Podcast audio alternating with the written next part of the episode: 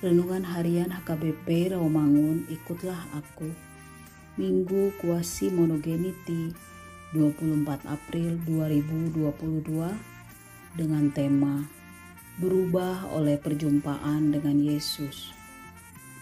Bacaan epistel kita hari ini tertulis dari Mazmur pasal 37 ayat 34 sampai dengan ayat 40 dan bacaan evangelium kita hari ini tertulis dari kisah para rasul pasal 9 ayat 1 sampai dengan ayat 6 yang berbunyi Sementara itu berkobar-kobar hati Saulus untuk mengancam dan membunuh murid-murid Tuhan.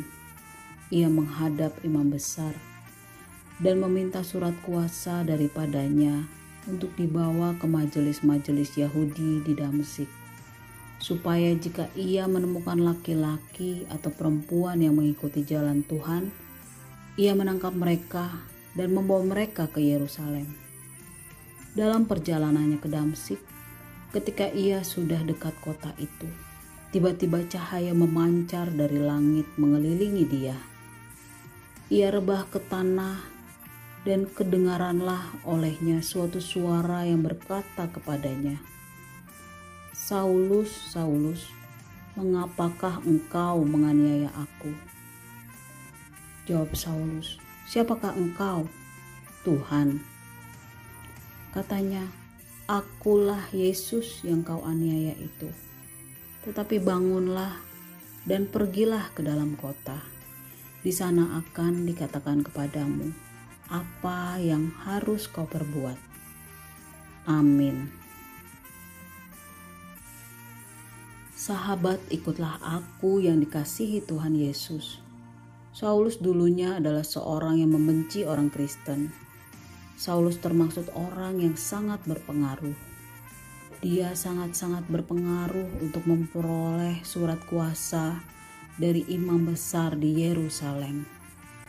Surat kuasa ini digunakan untuk menangkap bahkan membunuh pengikut Yesus.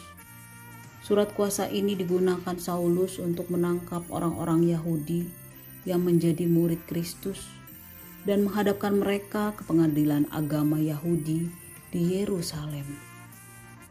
Pada waktu Saulus mengejar umat Kristen di Damsik, Saulus bertemu dengan Yesus yang bangkit.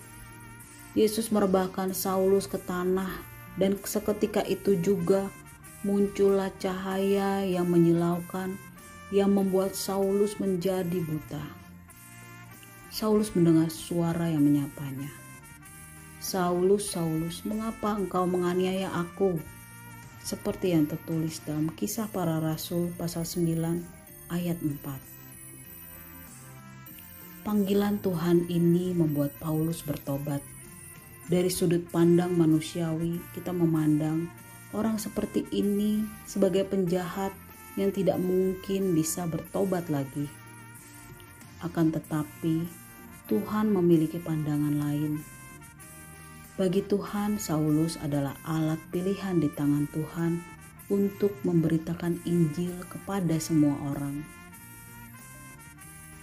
Kisah perjumpaan Paulus dengan Yesus telah menundukkan hati Paulus kepada suatu perubahan yang total.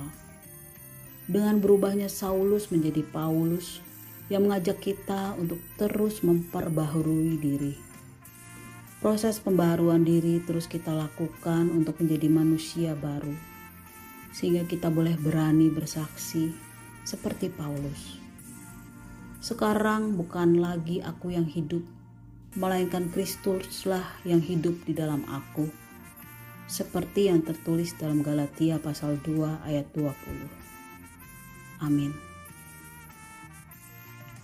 Marilah kita berdoa. Tuhan Yesus Kristus kami mohon kepadamu, kiranya Tuhan menjamah hati dan pikiran kami, agar kami semakin mengasihimu dan melayanimu.